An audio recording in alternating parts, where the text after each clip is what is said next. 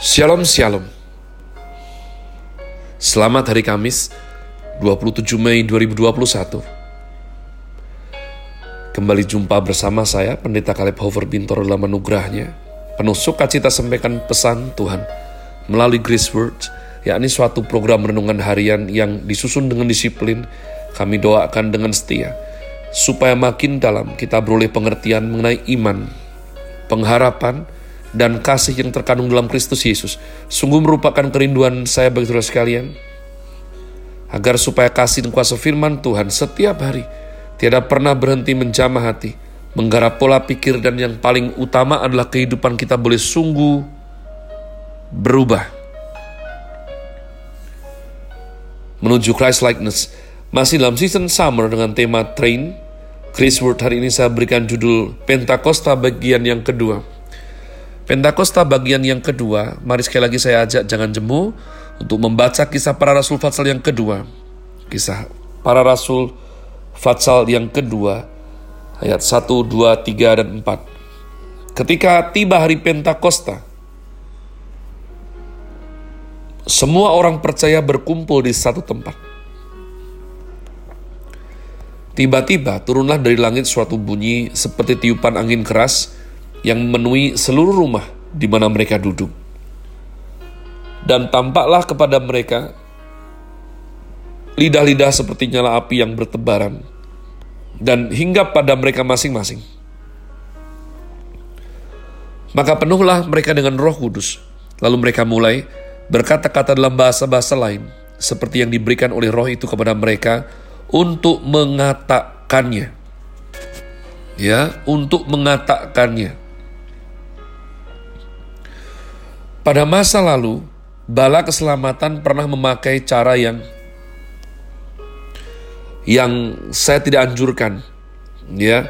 Sebab stimulasi penglihatan dan pendengaran adalah kita lihat tadi terdapat dalam aspek pencurahan Roh Kudus. Maka pada saat melakukan KKR orang metodis mempergunakan ledakan senjata. Dan hasilnya kurang jelas umat Tuhan. Dan dilarang sampai sekarang. Melalui penjelasan ini, tanda-tanda Pentakosta mempunyai karakteristik yang sama.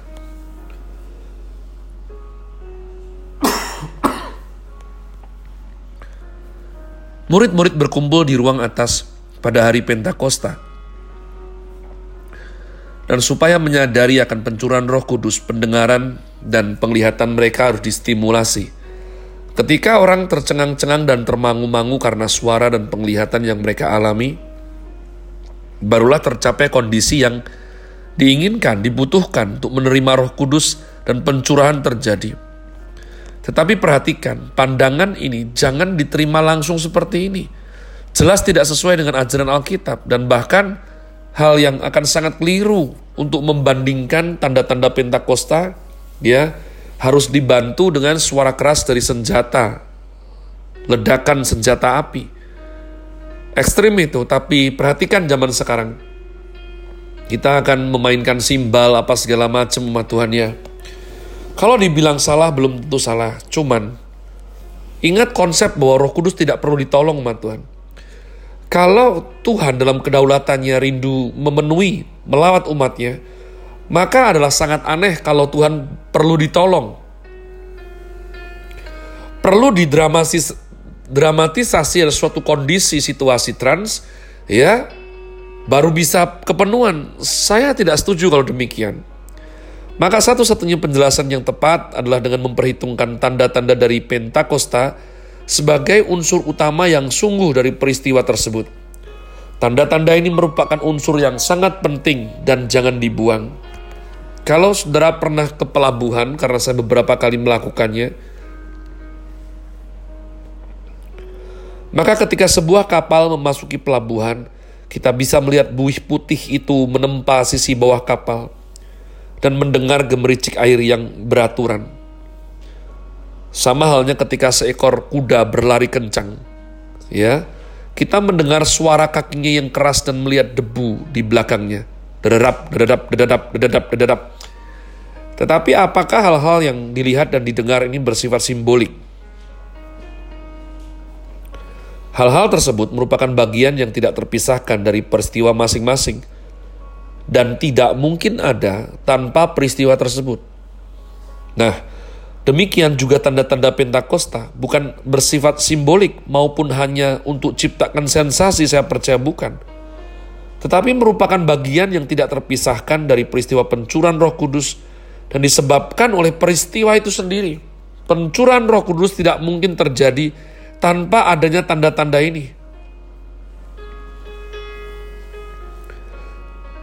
So ketika roh kudus turun dari gunung kekudusan Allah, bunyi tiupan angin yang keras terdengar, dan terang yang dahsyat terlihat, dan mereka berkata-kata dalam bahasa-bahasa lain harus terjadi. Pencurahan roh kudus peristiwa yang nyata, bukan hanya kelihatannya atau mitos. Kemuliaan yang diterima kepala harus dialirkan dan dicurahkan dari sorga kepada tubuh Kristus yakni gerejanya. Dan jika semua ini terjadi, pasti akan hasilkan tanda-tanda tersebut. Ya, memang betul, banyak hal kita masih belum mengerti, banyak sekali. Di Gunung Horeb, Elia mendengar Tuhan lewat hembusan angin. Yesaya mendengar bergeraknya pintu-pintu di bait Allah. Hal ini sepertinya menunjukkan bahwa kehadiran ilahi dinyatakan dengan sesuatu yang dapat ditangkap dengan indera manusia Walaupun sekali lagi penjelasannya masih belum jelas. Ya. Tetapi kita tidak mengetahui bagaimana caranya. Tetapi kita bisa memperhatikan beberapa hal. Pertama, jelas bahwa Roh Kudus dapat bekerja melalui materi. Roh kita bekerja melalui tubuh jasmani yang kelihatan dan dengan demikian dapat menghasilkan suara, berbicara, menangis, bernyanyi, Berteriak adalah karya roh kita terhadap udara. Ya, ingat kita ini makhluk roh yang tinggal dalam tubuh. Jangan salah. Bukan makhluk daging yang kebetulan punya roh, jangan. Esensi kita adalah rohnya itu. Makanya dicipta serupa segambar dengan Allah, sebab Allah adalah roh umat Tuhan. Jadi kita ini adalah makhluk roh yang tinggal dalam daging, dalam tubuh. Suatu hari kita disebut berpulang ke rumah Bapa. Siapa yang berpulang? Roh kita, jiwa kita. Daging kita dalam bentuk jenazah di sini, ya, di bumi. Kita punya iman untuk tubuh yang baru. Tapi itu nanti lain kali kita bahas umat Tuhan. Jadi kita ini manusia roh yang tinggal dalam tubuh. Karena itu kita bisa berbicara, nyanyi, nangis, ya. Itu semua adalah hal yang kita lakukan sebagai manusia roh terhadap udara. Tanpa udara, kita tidak bisa lakukan banyak suara seperti recording Grace Words yang saya lakukan. Maka jika roh kita dapat melakukan hal itu, apalagi roh Tuhan. Mengapa ketika Roh Kudus turun dan membuat dampak yang dapat dilihat dan didengar kita anggap sebagai misteri? Tidak umat Tuhan. Ya. Dua, ketika membuat perjanjian dengan Israel di Gunung Sinai, Tuhan Allah berbicara dalam guntur yang menggelegar. Sehingga Nabi Musa sampai berkata, Aku begitu takut dan gemetar. Tetapi hal ini dilakukan Allah bukan bertujuan menakutkan manusia, saya percaya bukan tetapi Allah yang suci dan murka harus berbicara dengan cara demikian kepada angkatan yang berdosa tersebut. Karena itu tidak mengherankan bahwa kedatangan Allah kepada manusia dalam perjanjian baru juga diikuti dengan tanda-tanda yang mirip. Bukan untuk menarik perhatian manusia, tetapi memang hal itu sendiri merupakan satu kesatuan yang tidak terpisahkan. Hal yang sama juga berlaku pada lidah-lidah api. Manifestasi dari hal yang bersifat supranatural selalu dinyatakan melalui cahaya dan terang. Khususnya ketika Allah Jehovah atau malaikat Tuhan itu hadir. Ingat peristiwa perjanjian Allah dengan Abraham. Ya, bahwa roh Tuhan itu lewat di antara korban yang dibakar api. Ingat. Jadi ini adalah konsistensi kesamaan konsep. Jadi yuk jangan buang waktu dengan sok pintar. Kenapa sih kok api? Kenapa nggak es? Kenapa kok nggak air? Nggak umat Tuhan. Memang media yang dipilih cahaya dan terang. Ya, pada waktu Tuhan memanggil Musa pertama kali, engkau akan mendapatkan semak yang menyala namun tidak terbakar. Jadi bagaimana dengan fenomena turunnya roh kudus yang mirip dengan yang dialami Elia di Gunung Horeb, Musa di semak, Paulus dalam perjalanan ke Damaskus, dan Yohanes di Pulau Patmos. Lidah-lidah api seperti nyala api yang turun kepada setiap orang, dan justru menunjukkan Allah yang menembus setiap hati manusia dan menimba, meninggalkan dampak yang kekal. Lihat emphasizing penekanannya umat Tuhan ya, dampak yang kekal. Setelah hari itu, setelah hari itu hidup murid-murid tidak pernah sama lagi umat Tuhan. Kenapa kita diurapi?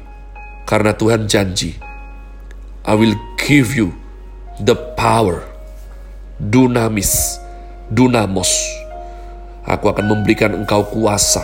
Luke 10, 19. Ya, kuasa untuk menginjak ular dan kala jengking. Kuasa untuk menjadi saksiku katanya.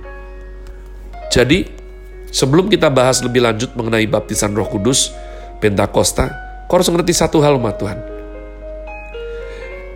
Apa pun manifestasinya, itu fenomena. Ya, belum tentu semua orang mengalami hal yang sama, belum tentu. Tapi satu hal, satu hal yang harus terjadi terhadap semua orang yang penuh roh kudus.